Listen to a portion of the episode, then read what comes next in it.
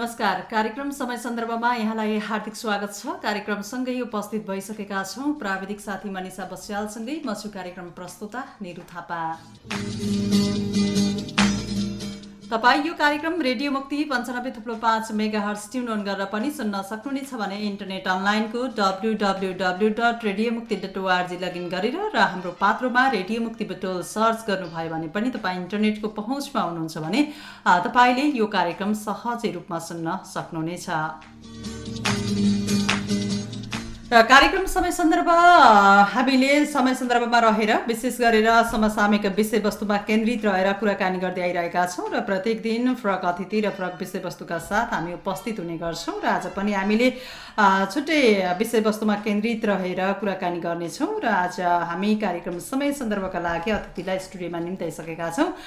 विशेष गरेर आजको कार्यक्रम समय सन्दर्भमा रहेर आज हामीले होमियोपेथिक डाक्टर द्वारिका प्रसाद प्रधानसँग रहेर हामीले विशेष गरेर होमियोपेथिक विधि भनेको कस्तो किसिमको उपचार विधि हो? र यसमा नागरिकहरूको यो उपचार विधिमा नागरिकहरूको पहुँच कस्तो छ? उपचार गराउनेहरूको अवस्था सँगसँगै यस विधिका फाइदाहरू के के छन्? र यस विधिलाई अझै स्थापित गर्नका लागि नागरिकहरूमा लैजानका लागि के कस्ता किसिमका योजनाहरू छन्? र यसबाट लाभान्वित कतिको भएको पाइन्छ जस्ता विषयवस्तुमा केन्द्रित रहेर हामीले विगत लामो समयदेखि होमियोपेथिक पद्धति पद्धतिबाट उपचार गराउँदै आउनुभएका र होमियोप्याथिक बारे अब उहाँले अध्ययन गरिसकेपछि विभिन्न आफ्नो निजी क्लिनिकहरू पनि सञ्चालन गरेर उपचार गराइरहनु भएका डाक्टर द्वारिका प्रसाद प्रधानसँग रहेर हामीले कुराकानी गर्न यति बेला स्टुडियोमा निम्ताइसकेका छौँ। भने हामी लाग्छौँ उहाँसँगकै कुराकानीतर्फ यहाँलाई कार्यक्रम समय सन्दर्भमा हार्दिक स्वागत छ। धन्यवाद छ हजुर आराम हुनुहुन्छ। हजुर यहाँको दिनचर्या चाहिँ कसरी बित्छ? ठिकै छ दैनिक अब भगवान्को चाहिँ आराधना जप ध्यान मेडिटेसन योगा यस्तै प्रकारले चाहिँ बिरामीहरूसित सम्पर्क कन्ट्याक्ट हजुर। यसरी नै बितिरहेका छन्। हजुर। आज हामीले विशेष गरेर यो होमियोप्याथिक उपचार विधिको बारेमा रहेर कुराकानी गर्नेछौँ होइन? अब तपाईँ होमियोप्याथिकको डक्टर पनि हुनुहुन्छ।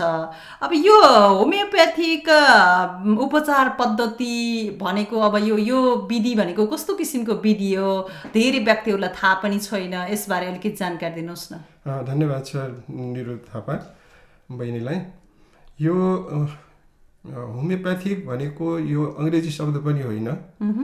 होइन? यो ग्रिकमा हो जर्मनी शब्द हो होमियो एउटा शब्द हो र प्याथिक अर्को शब्द र यसले दुईवटा शब्दलाई मिलाएर होमियोप्याथिक भनेको त होमियोप्याथिकको लिटरली अङ्ग्रेजीमा यसको अर्थ हुन्छ let's like be treated by likes होइन? त नेपालीमा भन्दाखेरि चाहिँ विषले विषलाई नै काट्छ अब संस्कृतमा भन्दा विशेष विषम औषधम विषले विषलाई नै काट्छ अब यसमा चाहिँ सिमिलर प्रकारको चाहिँ उपचारहरू हुन्छ जस्तो तपाईँलाई टाउको दुख्यो भनेर आउनुहुन्छ। तिनजना व्यक्तिहरू टाउको दुख्यो भनेर बिरामीहरू आउँछ भनेदेखि अब अरू सिस्टममा जाने भने पनि उसलाई समान एउटै प्रकारको चाहिँ औषधिहरू चाहिँ उपचार हुन्छ। यसलाई इन्डिभिजुअलिटी पनि भन्यो भनिन्छ। भन्दाखेरि हरेक रोगको चाहिँ रोगीहरूको अलग अलग जेनेटिक उसबाट हुन्छ हेरिडिटीबाट आएको हुन्छ र सबैलाई फरक फरक प्रकारको चाहिँ औषधिहरू चाहिँ लाग्न सक्छ। जस्तो कुनै बिरामी चाहिँ टाउको दुखेर भनेर आएको हुन्छ हामी कहाँ भनेदेखि त्यसलाई सट्टै लिए निकालेर औषधि हामी दिन सक्दैनौँ। पहिला उसको केस टेकिङ गर्छौँ हामी चाहिँ। केस टेकिङ भनेको उसको हिस्ट्री लिन्छौँ। टाउको के भएर दुखेको हो त? त कसैले भन्ला म त स्टुडेन्ट हो मैले ओभर मैले चाहिँ पढ्नु पऱ्यो स्टडी गर्नु पऱ्यो भन्ला। अर्को आउला बिरामी चाहिँ म त बिजनेसम्यान हो म बिजनेस गर्छु भन्ला। अर्को आउला म त टिचर हो शिक्षक हुँ मलाई चाहिँ यसरी टाउको दुख्यो भने भन्दा अर्को होला म चाहिँ लेबर हो म चाहिँ बाहिर चाहिँ ओपन उसमा चाहिँ काम गर्छु मलाई यसरी टाउको दुख्यो भने। त यो चारैजनाको प्रकृतिहरू त फरक फरक भयो नि त। होइन? जस्तो कि त्यो स्टुडेन्टलाई चाहिँ उसले भन्छ मेरो टाउको दुख्यो। के के भन्छ भन्दा उसको चाहिँ जुन मेन्टल हो फ्याटिकनेस हुन्छ थकावट हुन्छ उसलाई चाहिँ धेरै ओभरलोड हुन्छ उसलाई टेन्सन हुन्छ त्यसलाई त्यही प्रकारको औषधिहरू दिन्छ दिनुपर्छ। र जसलाई भन्छ बिजनेसम्यान हो भन्छ। बिजनेसम्यान छ उसले भन्छ मेरो त यत्रो मैले कारोबार गरेँ मैले व्यापार गरेँ तर मैले चाहिँ कमाउनु सकिनँ घाटा गयो उसलाई त्यो घाटाको टेन्सन हुन्छ। त्यो कारणले उसलाई स्ट्रेस आएको हुन्छ दिएका दिमागमा होइन? अरूबाट टिचर हुन्छ। मैले चाहिँ यो पढाइरहेका चाहिँ छु सायद के भन्छ मैले राम्रोसँग प्रेजेन्टेसन गर्न सकिनँ कि स्टुडेन्टको अगाडि चाहिँ मैले राम्रो बुझाउन सकिनँ कि अथवा चाहिँ मैले चाहिँ कोर्सहरू कम्प्लिट गर्न सकेन कि भन्नलाई त्यो टेन्सन हुन्छ। एउटा लेबर हुन्छ एउटा प्रचण्ड घाममा उसले काम गरिरहेको हुन्छ। त्यही चारै प्रकारको उसको फरक फरक पऱ्यो नि त। त त्यो विद्यार्थीलाई त्यसलाई चाहिँ गर्दाखेरि त्यसको केस टेकिङ गर्दाखेरि चाहिँ अब म विद्यार्थी भन्छौँ त्यसलाई चाहिँ हामी के गर्छौँ त भन्दा विद्यार्थी हो भने त्यसलाई नेट्रम मोर भन्ने चाहिँ औषधि दिन्छौँ त्यसलाई चाहिँ। अब एउटा बिजनेसम्यान चाहिँ मलाई घाटा गएको चाहिँ यस्तो उ भयो भने चाहिँ उसलाई इग्नेसिया भनेर दिन्छ। किनकि उसको स्ट्रेस आयो नि दिमागमा चाहिँ होइन? अर्को चाहिँ टिचर छ भन्दा म चाहिँ इन्फेरिटी कम्प्लेक्स चाहिँ हुन्छ उसलाई चाहिँ मैले प्रेजेन्टेसन गर्न भन्छु। त्यसलाई लाइको पोडिनम भन्ने मेडिसिन दिन्छौँ अब एउटा प्रचण्ड गर्मीमा चाहिँ काम गरिरहेको छ लेबर हुन्छ उसलाई पनि नेट्रम मोर भन्ने त्यो फरक फरक भयो नि औषधिहरू चाहिँ। त्यस कारण त्यसलाई चाहिँ सिमिलर सिमिलर भन्नाले जुन विषले उसले आक्रान्त पारेको चाहिँ छ त्यही विषको सूक्ष्म औषधि त्यसलाई उसको शरीरमा प्रवेश गरेपछि इमिडिएटली त्यो रिलिफ हुन्छ। अब। अर्को कुरा चाहिँ छ कि यो औषधि पद्धति चाहिँ धेरै ढिलो हुन्छ। यो चाहिँ आयुर्वेदिक जस्तै हो कोही कोही। मौका चाहिँ यो आयुर्वेदिक औषधि हो भनेर पनि सोध्न आउँछन्। होइन यो छुट्टै प्रकारकै होमियोपेथिक औषधि हो भनेर भन्छ। अब जुन बिरामी चाहिँ वर्षौँदेखि उसले बिस वर्ष पच्चिस वर्ष दस वर्ष पन्ध्र वर्ष औषधि खाँदा खाँदा खाँदा खाँदा खाँदा खाँदा त्यसको इमोसनली मेन्टली फिजिकली इकोनोमिकली उसको सम्पत्ति पनि भ्याएर आएको हुन्छ। हजुर। त्यो अवस्थामा हामी औषधि कुनै औषधिहरू भनौँ होइन। एलोपेथिक आयुर्वेदिक विभिन्न प्रकारको औषधि ऊ खाएर आएको हुन्छ र त्यसलाई चाहिँ एउटा चाहिँ च्यालेन्जिङ हुन्छ त्यसको तपाईँलाई थाहा छ अरू औषधिको पुरा साइड इफेक्टहरू शरीरमा आएको हुन्छ होइन एक त साइड इफेक्टको उसको लागि चाहिँ त्यो शरीरबाट हटाउनु पऱ्यो त्यो च्यालेन्जिङ हुन्छ अर्को उसको आफ्नै रोगहरू हुन्छ र त्यसलाई पनि चाहिँ हटाउनु पऱ्यो त्यसलाई टोटलिटी चाहिँ हामीले चाहिँ केस हुन्छ। ल त्यो केस टेकिङ गर्नलाई पनि आधा घन्टा एक घन्टा त लाग्छ। त्यो चाहिँ हिस्ट्री लिन चाहिँ। अनि हामीलाई पनि थाहा हुन्न कि ऊ इमिडिएटली आउने बित्तिकै त्यसलाई के औषधि चाहिँ दिने भनेर। जब उसको पुरा टोटल केस हिस्ट्री लिन्छौँ लिएपछि बल्ल उसलाई चाहिँ मेडिसिन सिलेक्सन गर्दै जान्छौँ कि यसलाई चाहिँ यो यो औषधि लाग्छ भनेर। त्यसै कारणले पनि मान्छेले भन्ने गर्छ कि यो औषधि पद्धति चाहिँ ढिलो सन्चो हुन्छ भनेर। भन्ने एउटा त्यो चाहिँ भनाइ चाहिँ यदि त्यही पेसेन्ट चाहिँ एकदम चाहिँ ए- एउटा एक्युट केस हुन्छ एउटा क्रोनिक हुन्छ बिरामी चाहिँ एक्युट भनेको इमिडिएटली त्यसलाई रोग लाग्यो। हजुर हजुर। अब जस्तो भन्यो न त्यसलाई एकदम कलिक पेन एकदम पेट दुखेर आएको चाहिँ। उसलाई मैले चाहिँ औषधि दिएर तिमी चाहिँ पाँच घन्टापछि ठिक हुन्छ भनेर त हुँदैन नि त्यो उसलाई रिस्पोन्स त हुँदैन नि। त होइन त त्यसलाई चाहिँ इमिडिएटली त्यहाँ आउँछ भने त्यसलाई त्यो प्रकारको औषधि दिन्छौँ र लगभग विदिन टेन मिनट्स दस मिनटमा उसलाई चाहिँ रिकभर भएको हुन्छ। अवस्था हुन्छ होइन? जस्तो फर एक्जाम्पल कोही मान्छे चाहिँ एउटा आँखामा धुलो गयो। होइन? आँखामा धुलो गयो। एकदम त्यो त अतासिन्छ अब कसरी निकाल्ने त्यो धुलो चाहिँ? या एन्टिका जानु पऱ्यो उ गर्नु पऱ्यो त्यसलाई चाहिँ एकोनाइट भन्ने एउटा औषधि दिने भने विदिन पाँच मिनटमा त्यसलाई रिकभर हुन्छ। त्यो धुलोलाई बाहिर निकालिदिन्छ। हजुर। मेडिसिन पनि यस्तो चाहिँ छ कि त्यसलाई अपरेसन गर्न चाहिँ नपर्ने चाहिँ हो कि? धेरै जस्तो चाहिँ। कुनै कुनै केसेस हुन्छ त्यसलाई अपरेसन गर्नै पर्ने हुन्छ। त्यसलाई हामीले अपरेसनको लागि पनि रिकमेन्ड गर्छौँ। तपाईँ अपरेसन गर्नुहोस् है यो। अपरेसन गरेपछि चाहिँ जुन त्यहाँ चाहिँ सर्जनले उसलाई ट्रिटमेन्ट दिएको हुन्छ। एउटा चाहिँ इमर्जेन्सी पिरियडमा त्यो ट्रिटमेन्ट भ्याएपछि चाहिँ उसलाई हामी सजेस्ट गर्छौँ फेरि तपाईँ आएर होमियोपेथी मेडिसिन यसलाई चाहिँ ऊ चाहिँ सुरु गर्नुहोस् ताकि तपाईँको यो सदाको लागि चाहिँ रोगबाट मुक्त हुन्छ। भनेर चाहिँ। अब एउटा म तपाईँलाई चाहिँ एउटा केस म चाहिँ बताउँछु योभन्दा लगभग अठार उन्नाइस वर्ष पहिलाको।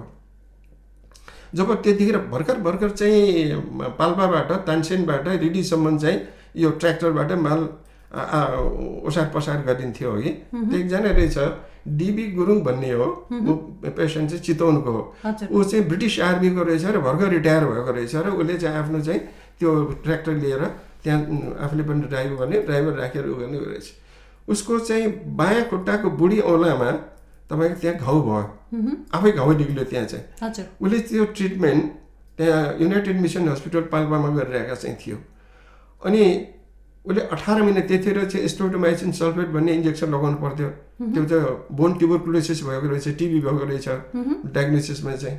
उसले अठार महिना त्यो कोर्स पुरा गर्यो तर पनि उसलाई रिकभर भएन। त्यो झन् चाहिँ सुन्निँदै गयो झन् पुरा बल्झिँदै गयो झन् पाक्दै गयो ऊ चाहिँ गऱ्यो। अनि त्यो जुन पाल्पाको एउटा होटलमा ऊ चाहिँ बस्थ्यो त्यहीँ बसेर खाना खाने रहेछ त्यहीँ बस्थ्यो। त्यो पाल्पाको त्यो होटलमा बसेपछि उसले चाहिँ दिनको लगभग दुई बजेतिर उसले आफूले सुसाइड गर्नु खोजेछ त्यहाँ चाहिँ। यङ केटो चाहिँ त्यो भर्खर बिहा पनि गरेको थिएन।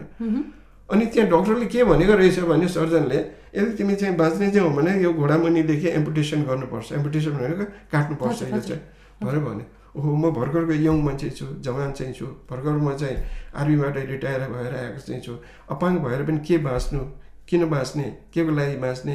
भन्ने उसको दिमागमा चाहिँ त्यो टेन्सन क्रिएट भएर उसले चाहिँ आफूलाई त्यहाँ चाहिँ ह्याङ गर्न लागेको रहेछ। हजुर हजुर। अनि त्यो होटलको जुन मालिक थियो गौजन हो उनको चाहिँ सीता गौजन। हजुर। यहाँ अहिले यो अहिले यहीँ नै हुनुहुन्छ उहाँहरू चाहिँ यो ओम शान्तिमा जाने आउने गर्नुहुन्छ उहाँ चाहिँ।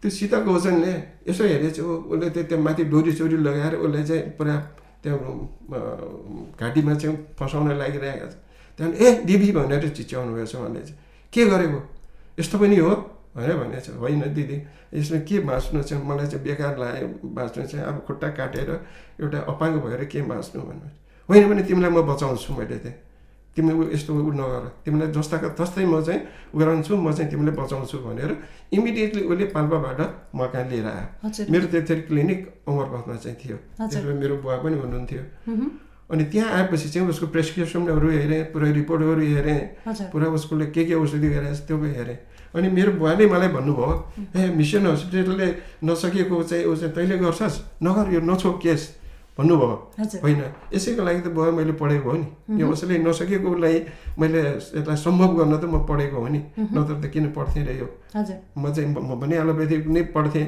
पैसा कमाउँथेँ थुप्रो दाम हुन्थ्यो अहिलेसम्म मैले धेरै पैसा कमाइसक्थेँ भने भने बुवालाई चाहिँ त्यहाँबाट मैले उसको केस टेकिङ गरेँ हेरेँ। मैले उसलाई चाहिँ पहिला यसो शरीर छामेँ छाम्दाखेरि एकदम आगो जस्तो हिट चाहिँ छ गरम छ। ऊ त्यो दुखेर आत्तिएको चाहिँ छ। अनि मैले त्यसलाई अरू केही पनि दिएन।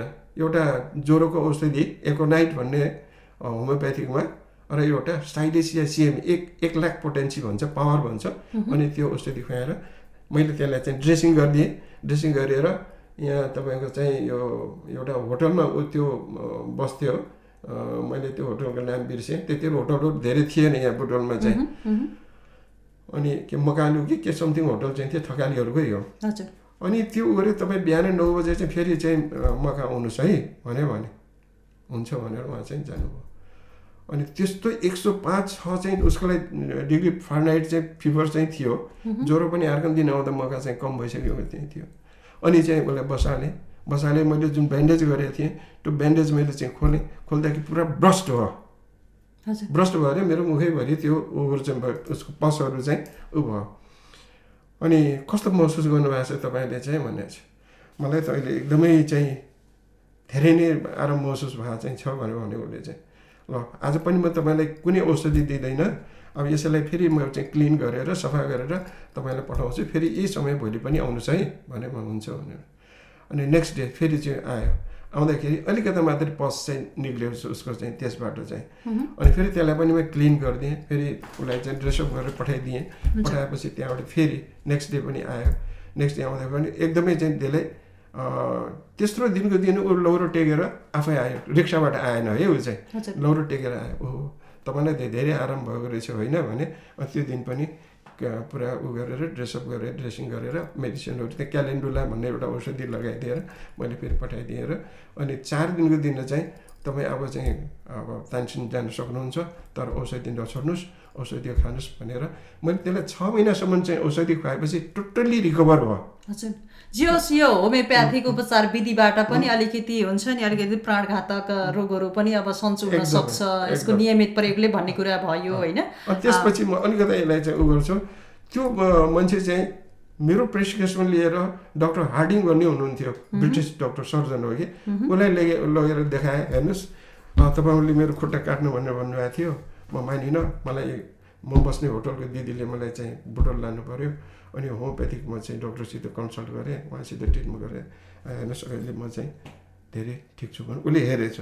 अनि उसले भनेछ होमियोप्याथिक हे दिस मच अफ पावर भन्नु अचम्म भनेछ। म त्यो डक्टरसित भेट्न पाएँ हुन्थ्यो।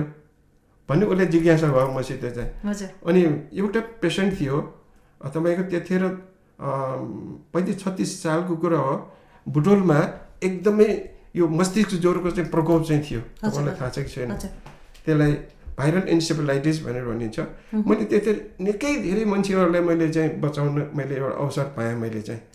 निकै धेरै मान्छेहरूलाई किनभने एलोप्याथीमा त कुनै ट्रिटमेन्टै थिएन त्यसको चाहिँ होइन? धेरै मान्छेलाई मैले बचाएँ। म त्यसरी उद्योग सङ्घमा कार्य समितिमा पनि थिएँ। म चाहिँ गोरखपुर गएर मेरो एकजना डक्टर हुनुहुन्थ्यो। यो अल इन्डिया होमियोपेथिक मेडिकल एसोसिएसनको चेयरम्यान डक्टर सोहनलाल श्रीवास्तव। उसलाई भने मलाई केही डक्टरहरू चाहियो। मैले क्याम्प गर्नु पऱ्यो नेपालमा चाहिँ। यत्रो डिसास्टर भइरहेको छ। एकदम मान्छे भिक्टिम उसमा चाहिँ छ। बचाउनु पऱ्यो के गर्ने? अनि उसले चाहिँ चारैतिर फोन गर्यो। सबै त्यहाँ पनि एकदम त्यस्तै प्रकोप चाहिँ थियो। गोरखपुर एरियामा पनि चाहिँ। र सबै डक्टरहरू एङ्गेज थियो प्राइभेट डक्टरहरू पनि सब शिविरमा चाहिँ खटाइएको चाहिँ थियो। त्यहाँको सरकारले है। अनि त्यसपछि होइन त्यो त ऊ भएन अब डक्टर एभाइलेबल हुन सकेन प्रधान तिमीले चाहिँ म तिमीले चाहिँ प्रिभेन्टिभ औषधि दिन्छु बचाउको लागि के? त्यो प्रिभेन्टिभ औषधि जसलाई भएको चाहिँ छैन उसलाई त बचाउनु हजुर। भनेर हुन्छ। अनि कति जति तिमीलाई औषधि चाहिन्छ भने मलाई म र उद्योग सङ्घको अध्यक्ष हाम्रो अ, महेशराज भण्डारी हामी दुईजना सँगै गएको चाहिँ थियौँ। अनि एक लाख जति मान्छेलाई चाहिन्छ भनेपछि एक लाखलाई चाहिन्छ भने हुन्छ भनेर उसले आफ्नै खर्चले है त्यो मेडिसिन दिनुभयो। मेडिसिन दिएर त्यतिर भन्सारमा पनि हामीले भने यसरी लिएर आएको भनेर चाहिँ ल्यायो अनि त्यसपछि हामीले चाहिँ माइकिङ गऱ्यौँ। यहाँ चाहिँ बुटोल आएपछि माइकिङ गरेपछि हामी कहाँ उद्योग सङ्घमा यति मान्छे भिड भयो हजारौँ मान्छे भिड भयो त्यहाँ चाहिँ। हामीले चाहिँ त्यो मेडिसिन वितरण गर्न निकै गाह्रो भएर विदिन थ्री डेज तिन दिनमा त्यो मेडिसिन हाम्रो चाहिँ सिद्धियो र त्यसरी मान्छेले धेरै राहत चाहिँ महसुस गर्यो हजुर अब म तपाईँलाई यसमा रोकेँ जस्तो कि होमियोप्याथिक पद्धतिको उपचार विधिबाट पनि अब धेरै किसिमका अब रोगहरू सन्चो हुँदो रहेछ भन्ने कुराहरू धेरै व्यक्तिहरूलाई अब थाहा नपाएरै हो कि अब के हो होइन? अब यसमा अहिले नागरिकहरूले अब यो होमियोप्याथिक अ, औषधि आम, बाट यो उपचार गर्ने अवस्था कस्तो छ के छ अहिले? रूपन्देहीमा भन्दा कस्तो छ? यहाँ होमियोप्याथिक औषधालयहरू अब कति जति छन् के छन् यसबारे पनि अलिकति जानकारी दिनुहोस् न। रूपन्देहीको सन्दर्भमा चाहिँ यहाँ प्राइभेट क्लिनिकहरू चाहिँ छ सातवटा प्राइभेट क्लिनिकहरू छ। हाम्रै राम्रो चौरातिर पनि छ चार पाँचवटा। मेरै छोरा पनि डक्टर सङ्गीत पनि ऊ पनि होमियोप्याथिक डक्टर नै हो उसले एमडी गरेको अवस्थामा छ। यहाँ एमडी गरेको त्यहाँ नेपालमा जम्मा तिन चारजना डक्टरहरू मात्रै छ होमियोप्याथीमा चाहिँ। त्यो मध्ये ऊ पनि पर्छ। र उनीहरूले धेरै जस्तो अहिले चाहिँ प्यारालाइसिस केसेसहरू ल्याइरहेका चाहिँ छ। प्यारालाइसिस केसहरूलाई राम्रो रिस्पोन्स पनि चाहिँ छ ऊ पनि चाहिँ छ। र जबसम्म राज्यले आफैले चाहिँ यसलाई चाहिँ उ गर्दैन तब प्राइभेट सेक्टरमा मात्रै हामीहरू लागेर नहुने रहेछ। हाम्रो प्राइभेट सेक्टरबाट चाहिँ हामीले पत्र पत्रिकामा आर्टिकलहरू दिने सेमिनारहरू गर्ने यावत कुराहरू गऱ्यौँ। तर यसबाट हामी उ गर्न सकेनौँ। अब एउटा मात्रै गभर्मेन्ट हस्पिटल छ त्यो काठमाडौँमा चाहिँ ललितपुरको अब पुल्चोकमा चाहिँ छ पशुपति होमियोप्याथ होमियो चिकित्सालय भनेर छ। यो पहिला चाहिँ मा पशुपतिमा नै थियो यो चाहिँ। पशुपति मन्दिरको जो आश्रमहरू छ त्यही नै थियो। त्यहाँबाट यसलाई चाहिँ गभर्मेन्टले पञ्चायतकालीन टाइममा राजाको टाइममा त्यसै बडामारायण सरकार उहाँ चाहिँ यसको चाहिँ समाज कल्याण परिषदको अध्यक्ष हुनुहुन्थ्यो। त्यो अध्यक्ष त्यो अन्तर्गत यसलाई राखेर पच्चिस बेडको हस्पिटल बनाएको चाहिँ थियो। त त्यसलाई अब चाहिँ खुम्च्याउँदा खुम्च्याउँदा खुम्च्याउँदा खुम्च्याउँदा त्यसलाई बाह्र बेडमा लिएर आयो। त्यसपछि चाहिँ अब ओपिडी मात्रै चलिरहेको छ छ चलाएको चाहिँ छ। अब एउटा हस्पिटलले के यो पुरा तिन करोड जनतालाई चाहिँ सेवा दिनु पुग्छ र सम्भव छैन। इभन त्यहीँ काठमाडौँमा पनि सम्भव छैन। त्यत्रो लामो लाइन लागेर बसेको हुन्छ।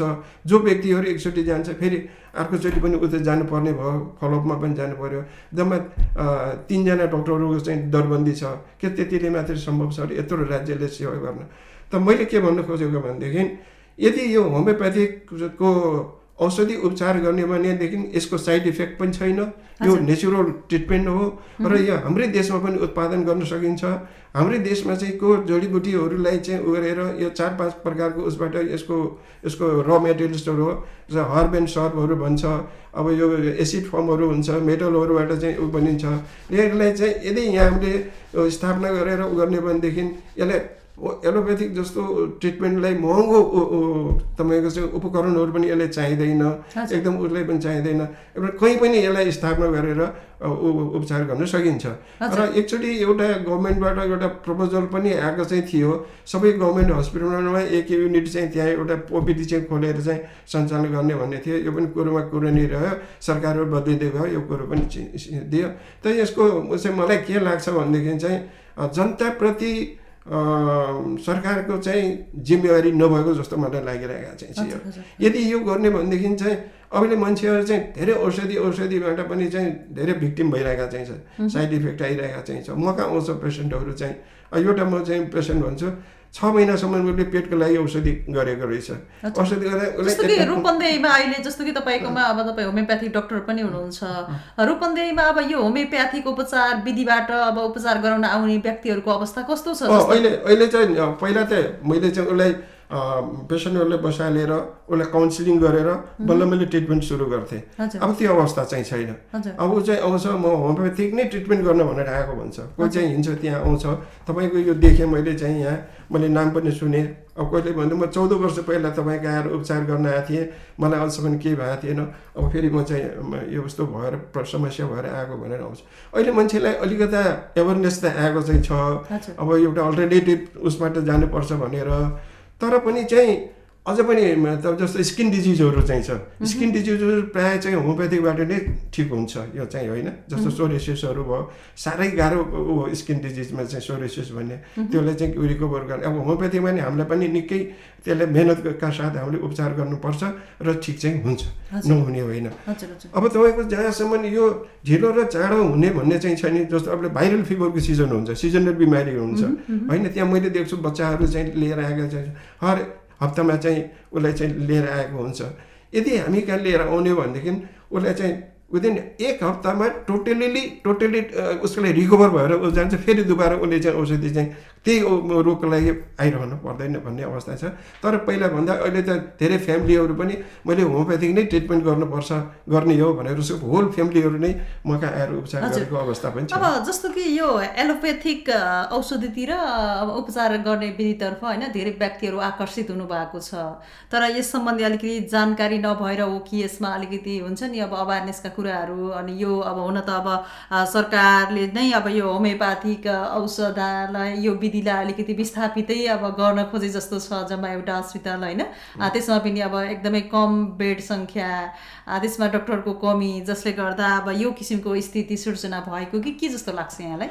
अब अब यहाँ चाहिँ एलोपेथिकको चाहिँ बजार हुनुको मुख्य एउटा कारण चाहिँ एउटा इन्टरनेसनल फ्याक्टर पनि हो है?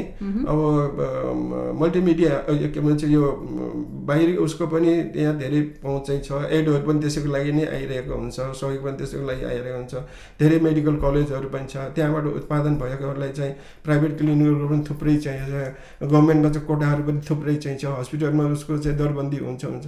तर होमियोप्याथिकमा चाहिँ एउटा मात्रै चाहिँ पूर्वाञ्चल अन्तर्गत एउटै मेडिकल कलेज थियो त्यसमा लगभग पाँच बेच चार पाँच बेच त डक्टरहरूको उत्पादन भयो पास आउट भयो। त उनीहरूले बे- बिचराहरू बेर बेरोजगार भयो।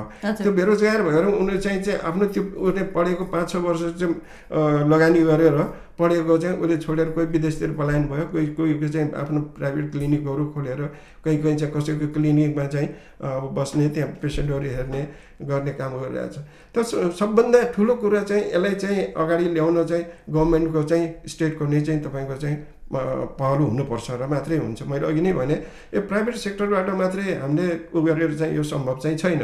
अब हामीले चाहिँ यही उसमा चाहिँ अब उद्योग मन्त्रीसँग पनि हामीले फ्री क्लिनिक राख्यौँ यसलाई चाहिँ नि शुल्क औषधि उपचार गऱ्यौँ। त्यसपछि हामीले रा यो राम मन्दिरमा राख्यौँ। राम मन्दिरमा पनि नि शुल्क औषधि उपचार गऱ्यौँ। त्यसबाट हामीलाई स्थान भएन ठाउँ भएन। फेरि हामीले सत्यसाई केन्द्रमा पनि उ गरेर धेरै मान्छेहरू लाभान्वित थियो। एक त हामीले पैसा चेकअपको फिस पनि लिँदैनन् थियौँ अनि मेडिसिनको पनि चाहिँ फी नलिँदाखेरि मान्छेहरू धेरै खुसी थियो अब अहिले त्यो बन्द भएको अवस्था चाहिँ छ छैन कतै पनि छैन। अझै पनि मान्छेहरू आउँछ अब कोही कोही आउँछ मकानी आउँछ। तपाईँहरूले त्यसरी खोल्नु भएको ऊ चाहिँ चिकित्सालय क्लिनिक के भयो भन्दाखेरि हामीसित बजेट पनि भएन ठाउँ पनि भएन। त्यस कारणले यो मजबुरी ब- बन्द गर्नु पर्ने भन्ने अवस्था छ। त त्यस कारणले मान्छेहरू पनि एकदम चाहिँ दुःख मनाउ चाहिँ गरिरहेको चाहिँ छ हजुर हजुर। अब यो विधि भनेको जस्तो कि जुन एलोपेथिक उपचार विधि छ सँगसँगै यो होमियोप्याथिक पनि छ यो कतिको महँगो छ? यो कतिको महँगो छ? यो एलोप्याथिक भन्दा के छ यो? यो संसारमा सबभन्दा सस्तो पद्धति हो यो चाहिँ। यसको पश्चिम जर्मनीको डाक्टर फ्रेडरिक सेम्युल हेनिमनले चाहिँ ऊ चाहिँ एमडी गरेको डक्टर थियो हुनुहुन्थ्यो उहाँले चाहिँ। उहाँले चाहिँ के गर्नुभयो भनेदेखि एउटा उहाँ धेरै विषयको चाहिँ धेरै ल्याङ्ग्वेजहरूको धेरै भाषाहरूको ज्ञाता हुनुहुन्थ्यो। धेरै भाषामा उनले चाहिँ मेट्रिया मेडिया भन्ने जो मेडिसिनको चाहिँ औषधिको ग्रन्थ हो त्यसलाई उल्टा गर्ने ट्रान्सलेट गर्ने काम गर्नुहुन्थ्यो। त्यही एक दिन उहाँले डक्टर क्विलिनले लेखेको चाहिँ मेट्रिया मेडिका चाहिँ उल्टा गर्दै हुनुहुन्थ्यो। गर्दा गर्दा त्यहाँ एउटा यस्तो उसमा चाहिँ मर्ममा पुग्नुभयो कि मलेरियाको ज्वरोलाई यदि सिन्कोना बार्क क्विनिन सल्फेट भनिन्छ त्यसलाई यदि दियो भनेदेखि त्यो रोग त सन्चो हुन्छ। तर चाहिँ अलिकति पनि डोज चाहिँ बढी भयो भने फेरि त्यसलाई पुरानो अवस्थामा पुर्याउँछ। भनेर किन यस्तो हुन्छ त भनेर उसले त्यहीँ उहाँले चाहिँ त्यसको खोज गर्न थाल्नुभयो। र सबै पाँच छजना आठ नौजना डक्टरहरूलाई राखेर त्यसले सिन्कोना बारको र औषधिहरू चाहिँ त्यसलाई कुटकाट गरेर एउटा ऊ हुन्छ प्लान्ट हो त्यो चाहिँ सिन्कोना बार भन्ने। अनि त्यसलाई कुटेर त्यसको औषधि चाहिँ झोल चाहिँ धेरै खाइदिनु भयो उहाँ त एकदम स्वस्थ मान्छे हुनुहुन्थ्यो। अनि फेरि उहाँलाई पुरा काम ज्वरो आउन थाल्यो मान्छे त बोल्न सक्छ बोल्छ होइन? अब उसले चाहिँ मलाई ल जाडो भयो मलाई चाहिँ ल ब्ला- ब्ल्याङ्केट्सहरू उडाइदिनु पऱ्यो मेरो जिउ दुखिरहेको छ। ल मलाई पानी ऊ पिउनु मन लागेको छ मेरो मुख सुकिरहेको छ। उसले सिम्टम्सहरू भन्दै गएर लक्षणहरू भन्दै गएर सबै बसेका आठ नौजना डक्टरहरूले त्यो सिम्टमहरू उहाँले के के हुन्छ भन्दै चाहिँ नोट गर्दै गयो। एक हप्तासम्म त्यस्तो भयो उहाँले। अनि चाहिँ उहाँले त्यही अब केले ठिक हुन्छ त भन्दाखेरि जुन औषधि खाएर जुन उसले खाएर उहाँलाई काम ज्वरो आएको थियो त्यसको चाहिँ थोरै थोरै मात्रामा एकदम थोरै थोरै मात्रामा चाहिँ त्यो औषधि खाँदै जानुभयो र एक हप्तामा उहाँ चाहिँ फेरि पुनः रिकभर भयो। हजुर। हामी कार्यक्रमको अन्त्यमा छौँ। अन्त्यमा के भन्नुहुन्छ? जस्तो कि धेरै व्यक्तिहरूले यो होमियोप्याथिक उपचार विधिबाट उपचार गर्न चाहनुहुन्छ तर पनि अब सम्बन्धित ठाउँ अहिले प्राइभेट मेडिकलहरू पनि कहाँ छन् के छन् भन्ने कुराहरू पनि थाहा नपाएको हुन सक्नुहुन्छ। एलोप्याथिक औषधि खाँदा खाँदा दिक्क हुनुभएको छ होला कतिपय अब त्यस्ता किसिमको पेसेन्टहरू पनि हुनुहुन्छ होला। यसबारे के भन्नुहुन्छ अन्त्यमा मैले के भन्छु भनेदेखि चाहिँ यहाँ विभिन्न सङ्घ संस्थाहरू चाहिँ छन्। त्यो सङ्घ संस्थाहरूले समाजसेवा पनि गरिरहेका चाहिँ छ अवस्था चाहिँ छ। त्यो समाजसेवीहरूले चाहिँ एउटा अब डक्टर पाउन त गाह्रो छ पनि रिक्वेस्ट हो। एउटा चाहिँ क्लिनिकहरू खोजि खोलिदिने हो भने त्यहाँ चाहिँ औषधि धेरै महँगो पर्दैन। होइन औषधि पनि चाहिँ डक्टरको चाहिँ सल्लाह पनि चाहिँ त्यहाँ चाहिँ उ गर्ने डिस्पेन्सरी एउटा खोलिदिने भनेदेखि ठाउँ ठाउँमा एउटा सेवाको उसले भावनाले यो काम गर्ने भने धेरै मान्छेसम्म चाहिँ यो पहुँच पनि पुग्छ र धेरै स्वास्थ्य लाभान्वित पनि हुन्छ। र चाहिँ यसबाट आक्रान्त चाहिँ हुनु पर्दैन। सधैँभरि रोगलाई चाहिँ त्यसलाई चाहिँ पालेर राख्ने पनि पर्दैन। त्यो चाहिँ पुरा पूर्णतया ठिक हुन्छ भन्ने मैले चाहिँ लाग्छ। र यसमा चाहिँ हामी जनमानसहरू पनि अब जुन मैले चाहिँ यो भनिरहेका चाहिँ छु जो जसले जहाँ जहाँ यसलाई सुनिराख्नु भएको चाहिँ छ म चाहिँ श्रोता वृन्दहरूलाई पनि चाहिँ म यो अनुरोध गर्दछु। आउनुहोस् हामीले चाहिँ गरेको चाहिँ हामीले सक्ने चाहिँ सहयोगहरू हामीले गर्छौँ। एकदम अहिले पनि मान्छेहरू चाहिँ औषधि खाएर आएको हुन्छ म कहाँ हेरेको छु बोर्ड देख्छ ए, होमियोप्याथिक यहाँ ऊ हुने रहेछ उपचार हुने रहेछ भन्छ पस्छन् सल्लाह लिन्छन्। मैले उनलाई सल्लाह दि दिइरहेको छु ठिक पनि भइरहेको छ भगवान्को कृपाले चाहिँ यो होइन कि ठिकै नहुने हुन्छ। कोही कोही हो फेलर हुने चाहिँ जसले एकचोटि औषधि दिन्छौँ फलोअपमा आउँदैन खै मलाई ठिक भएन मलाई केही पनि भएन भनेर बस्ने बस्नुभयो भनेदेखि त्यो चाहिँ ठिक त हुँदैन। अब उसले मैले औषधि दिन्छु खाने व्यक्ति त बिरामी हो। उसले के भइरहेछ भन्ने फेरि आएर हामीलाई चाहिँ भन्नु पऱ्यो र त्यसरी फेरि उसलाई चाहिँ फेरि मेडिसिन सेलेक्सन गर्छौँ फेरि दिएपछि ऊ फेरि चाहिँ पुनः चाहिँ ठिक हुन- हुन्छ। हजुर। निकै व्यस्तताका बावजुद पनि हामीलाई समय उपलब्ध गराइदिनु भयो। विचार व्यक्त गरिदिनु भयो। विशेष गरेर यो होमियोप्याथिक उपचार विधिको बारेमा विस्तृत जानकारी दिनुभयो। त्यसका लागि यहाँलाई विशेष धन्यवाद। हजुर तपाईँलाई पनि धेरै धन्यवाद छ। धेरै दिनदेखि चाहिँ अ, मलाई चाहिँ रिक्वेस्ट गरेर राख्नु भएको चाहिँ थियो। म आउन कहिले बिरामी हुने कहिले कुनै कामको व्यस्तताले गर्दा म चाहिँ यो अ, होमियोपेथिक सम्बन्धी चाहिँ मैले जानकारी दिन अलिकता म असमर्थ थिएँ। मलाई आफ्नो क्लिनिकबाट त मैले दिइ नै रहेको हुन्छु। तपाईँ यो मुक्ति एफएम मुक्ति एफएमका टेक्निसियन बहिनीलाई पनि मैले हार्दिक र मृदु बहिनीलाई पनि फेरि फेरि पनि यस्तै चाहिँ के भन्छ समय चाहिँ उपलब्ध गराइकन चाहिँ यो जानकारीमूलक उहरूले हामीले चाहिँ यहाँबाट प्रसारण गर्नेछौँ भनेर दिँदै फेरि पनि पुनः पुरा धन्यवाद दिँदै म आफ्नो चाहिँ जुन यो इन्टरभ्यूको ऊ हो यही नै चाहिँ अन्त गर्न चाहन्छु। हस् यहाँलाई विशेष धन्यवाद। आदरणीय श्रोता हामीले यतिन्जेलसम्म कार्यक्रम समय सन्दर्भमा रहेर कुराकानी गऱ्यौँ। विशेष गरेर होमियोप्याथिक डाक्टर द्वारिका प्रसाद प्रधानसँग रहेर हामीले कुराकानी गरिसकेका छौँ र आजलाई भने कार्यक्रम समय सन्दर्भलाई समय सन्दर्भलाई छुट्याइएको निर्धारित समय पनि सकिन लागेको छ। हामी कार्यक्रमबाट बिदा माग्नुपर्ने हुन्छ। तपाईँलाई कार्यक्रम कस्तो लाग्यो सल्लाह सुझाव अनि प्रतिक्रियाहरू दिन नभुल्नुहोला त्यसका लागि कार्यक्रमको ठेगाना हो। कार्यक्रम समय सन्दर्भ रेडियो मुक्ति पन्चानब्बे थुप्लो पाँच मेगा हर्च बटुल चार लक्ष्मीनगर। यही ठेगाना सँगसँगै यतिन्जेलसम्म कार्यक्रम सुन्नुभयो। तपाईँ सम्पूर्णलाई धन्यवाद। टेक्निकली सपोर्टका लागि मनिषालाई पनि विशेष धन्यवाद दिँदै आजको कार्यक्रम समय सन्दर्भबाट म कार्यक्रम प्रस्तुता निरु थापा पनि बिदा हुन्छु। नमस्ते शुभ दिन।